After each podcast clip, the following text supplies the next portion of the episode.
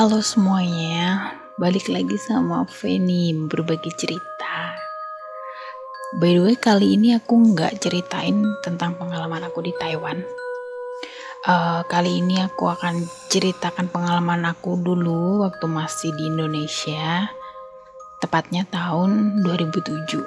Saat itu saya bekerja di salah satu radio komersial di Tulungagung. Nah, uh, waktu itu kafe di radio kami itu di booking oleh salah satu event organizer untuk uh, sebuah acara anniversary perusahaan kalau tidak salah waktu itu saya lupa. Nah, di situ saya yang diamanahkan untuk menjadi MC-nya bersama uh, rekan saya. Dan di situ saya berkenalan dengan seorang pengusaha muda namanya Pak Erwin uh, dia orang Bali dia owner salah satu uh, hotel etnik di Bali. Nah, Pak Erwin ini karena tertarik dengan pembawaan saya ketika membawakan acara, beliau menawari saya untuk menjadi uh, eh, MC di salah satu event di hotelnya dengan fasilitas tiket pulang pergi pastinya, terus menginap tiga hari, uh, Hamin satu, terus hari H sama H plus satu, dan tentunya masih ada gaji. dan menurutku itu tawaran yang menarik. Akhirnya deal, kita sepakat. Sampai hari H, hari H saya harus berangkat ke Bali, saya berangkat uh, sampai di bandara dijemput sama uh, orangnya beliau.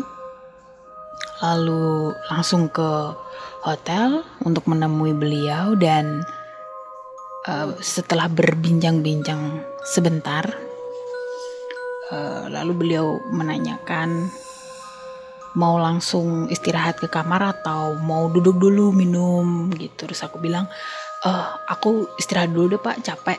Aku gitu kan terus uh, dia memanggil waiters untuk menyiapkan minuman yang saya mau. Lalu beliau pamit.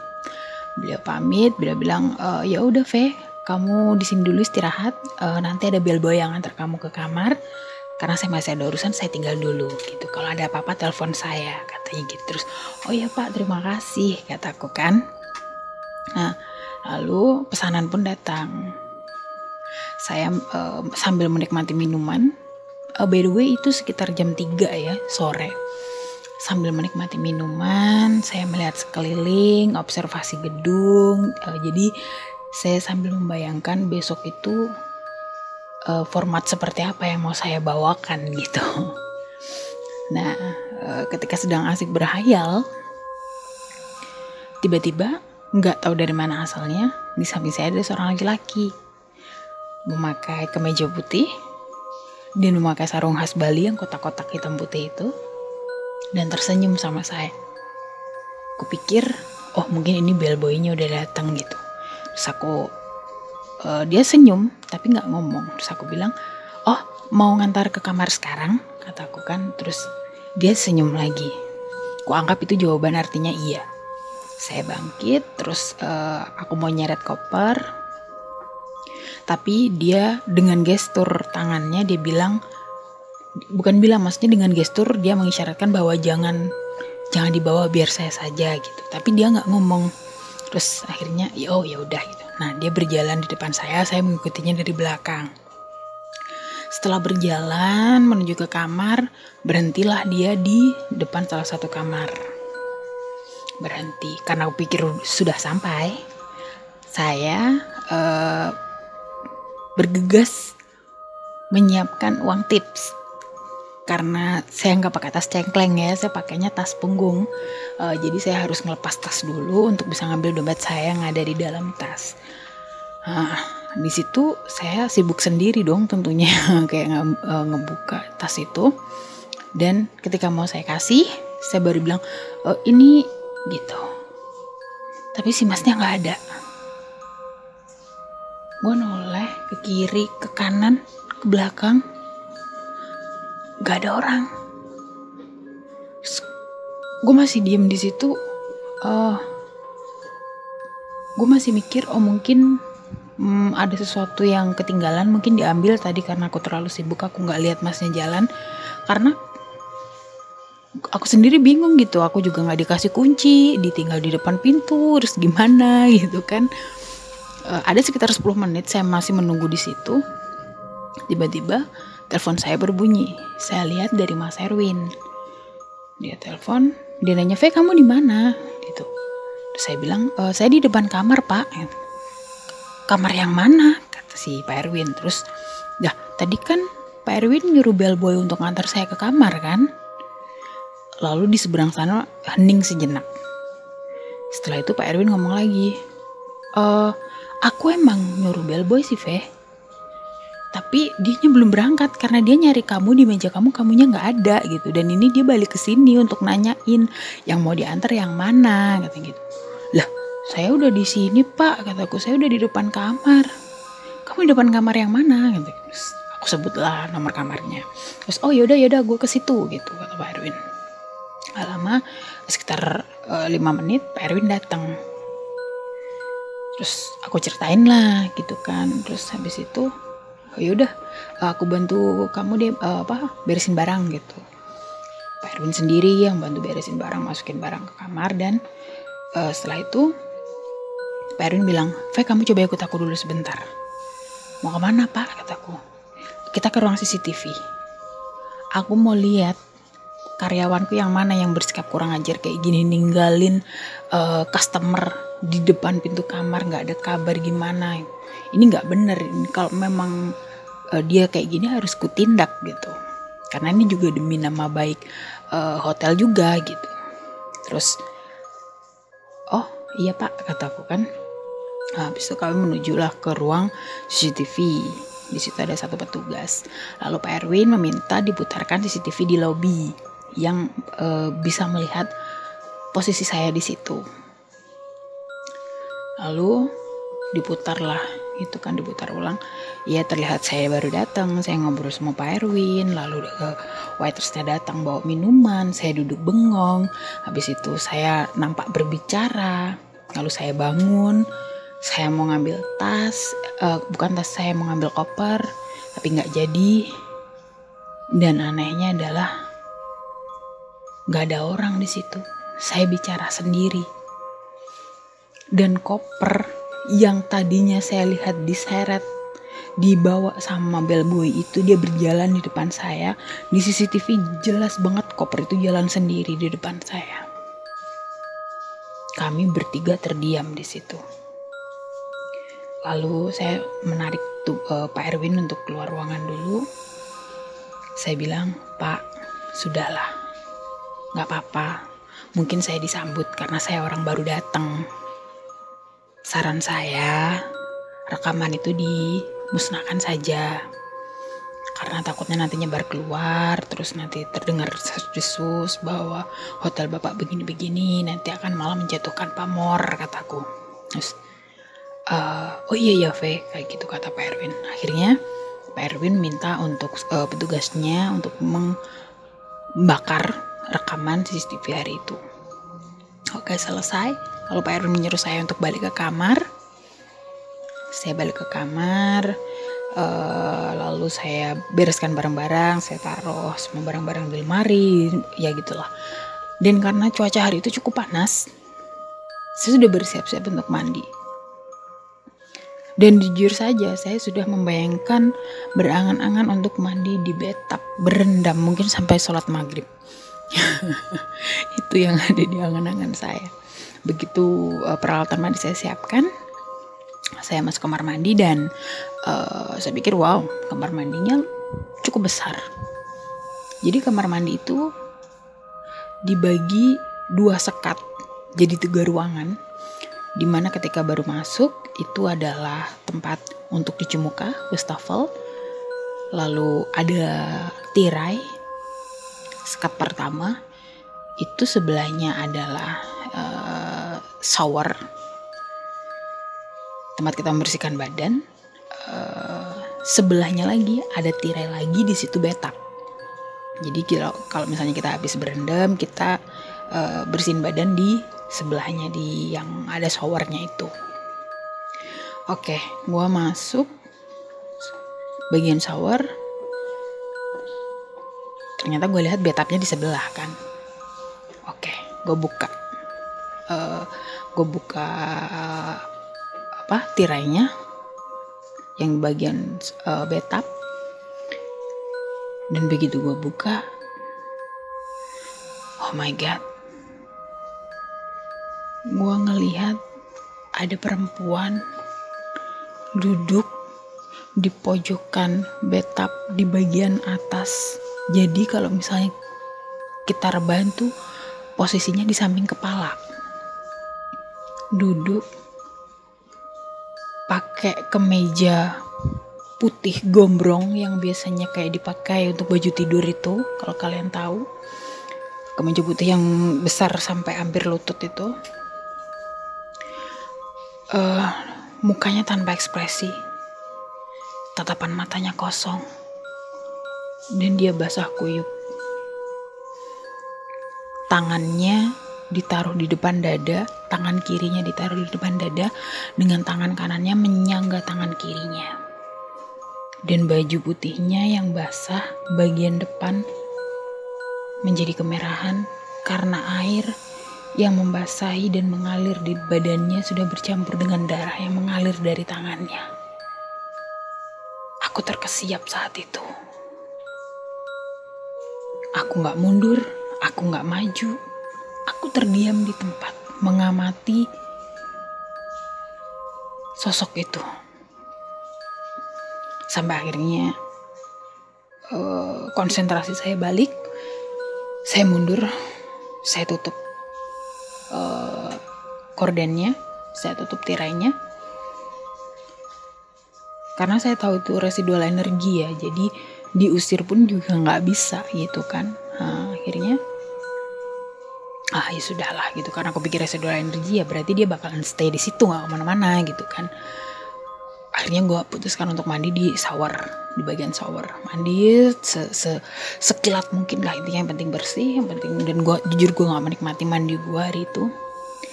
Uh, yang penting bersih kemudian terus sudah aku keluar. Uh, harusnya gue keluar untuk janjian makan malam dengan Pak Erwin itu jam 7 tapi itu baru jam 6 lebih. Baru jam 6 malah aku udah keluar gitu. Aku nggak mau. Ya kali kita mau lama-lamaan sama si mbak-mbak berdarah di kamar kan. Oke gue keluar um, habis itu makan malam sama Pak Erwin. Jam 9 gue balik. Sejujurnya gue males banget harus balik ke kamar dan bertemu sama itu sama mbak-mbak berdarah. Tapi ya mau gimana lagi gitu kan? Karena tadi pas makan malam juga saya uh, Pak Erwin semangat banget menjelaskan acara tentang besok yang menurut dia uh, event itu sangat spesial lah gitu. Jadi kayak aku nggak mau rusak itu dengan menceritakan sesuatu hal yang aneh-aneh gitu kan. Nah, akhirnya ya udahlah gitu. Karena gue juga nggak enakan juga orangnya oke. Okay. apa pun itu yang penting gue nggak ganggu lu gitu. Gue mikirnya kan. Gue masuk ke kamar uh, udah gue beres-beres. Terus gue berangkat tidur. Cuman gue itu punya kebiasaan tengah malam itu bangun untuk uh, kamar mandi buang air kecil. Dan karena gue tau kebiasaan itu tadi sebelum balik ke kamar gue sempat ke minimarket depan hotel untuk membeli diapers. Mungkin konyol ya tapi kalau kalian di posisiku saat itu mungkin itu adalah solusi terbaik agar kalian gak perlu ke kamar mandi tengah malam. Ngompol-ngompol deh tuh itulah mikirku pokoknya. Gak mau lagi aku kamar mandi apalagi malam gitu kan. Oke okay. Jadi gue malam itu tidur pakai diapers uh, atau pop gitu. Nah tapi ya namanya alarm tubuh udah kebiasaan ya. Tetap aja tengah malam itu kebangun karena kebelet pipis gitu. Cuman karena gue inget gue pakai diapers ya. Jadi ya udah kayak melek doang gitu terus hah ya udahlah gitu mau tidur lagi gitu.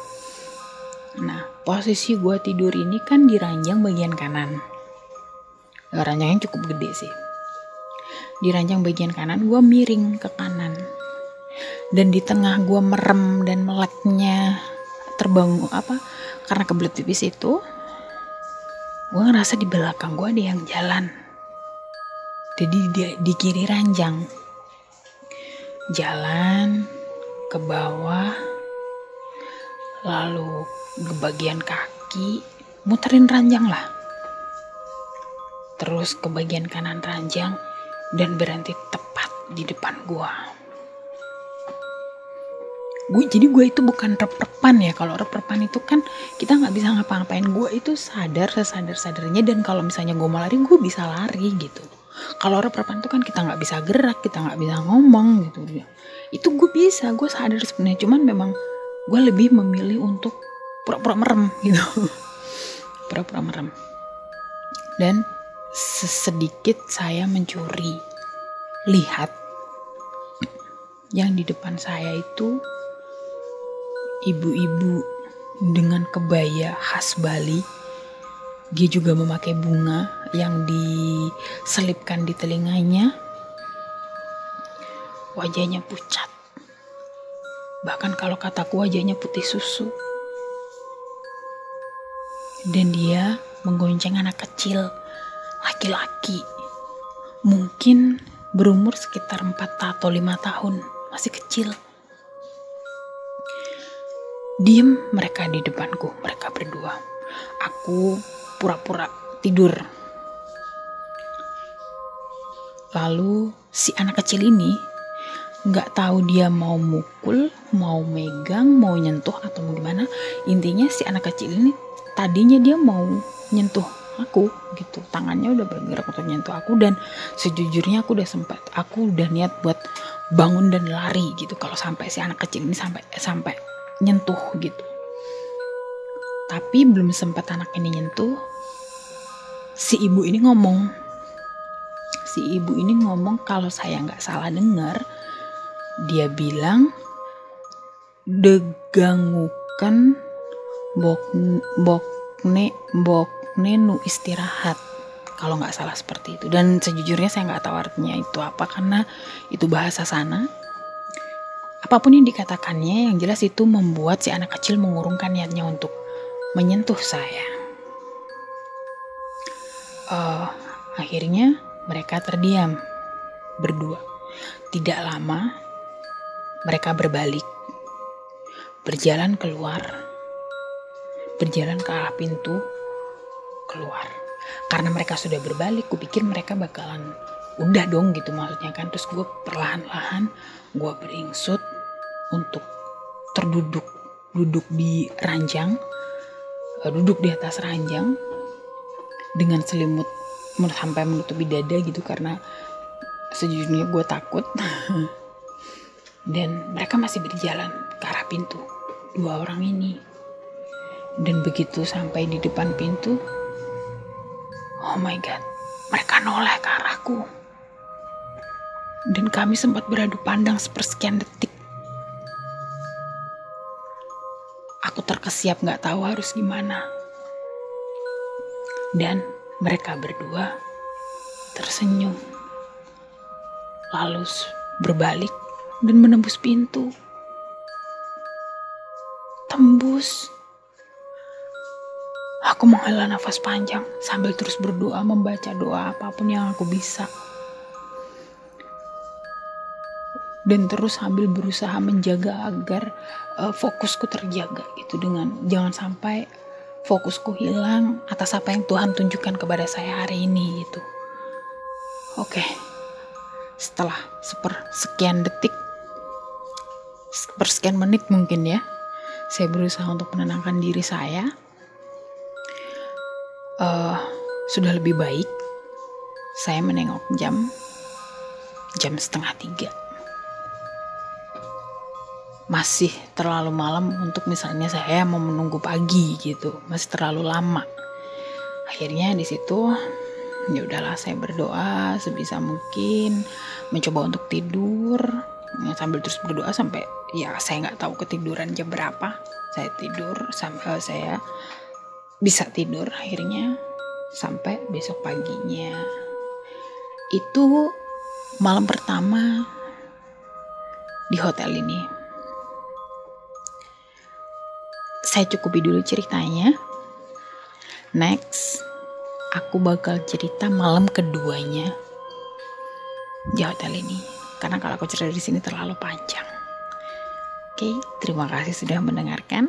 Assalamualaikum warahmatullahi wabarakatuh.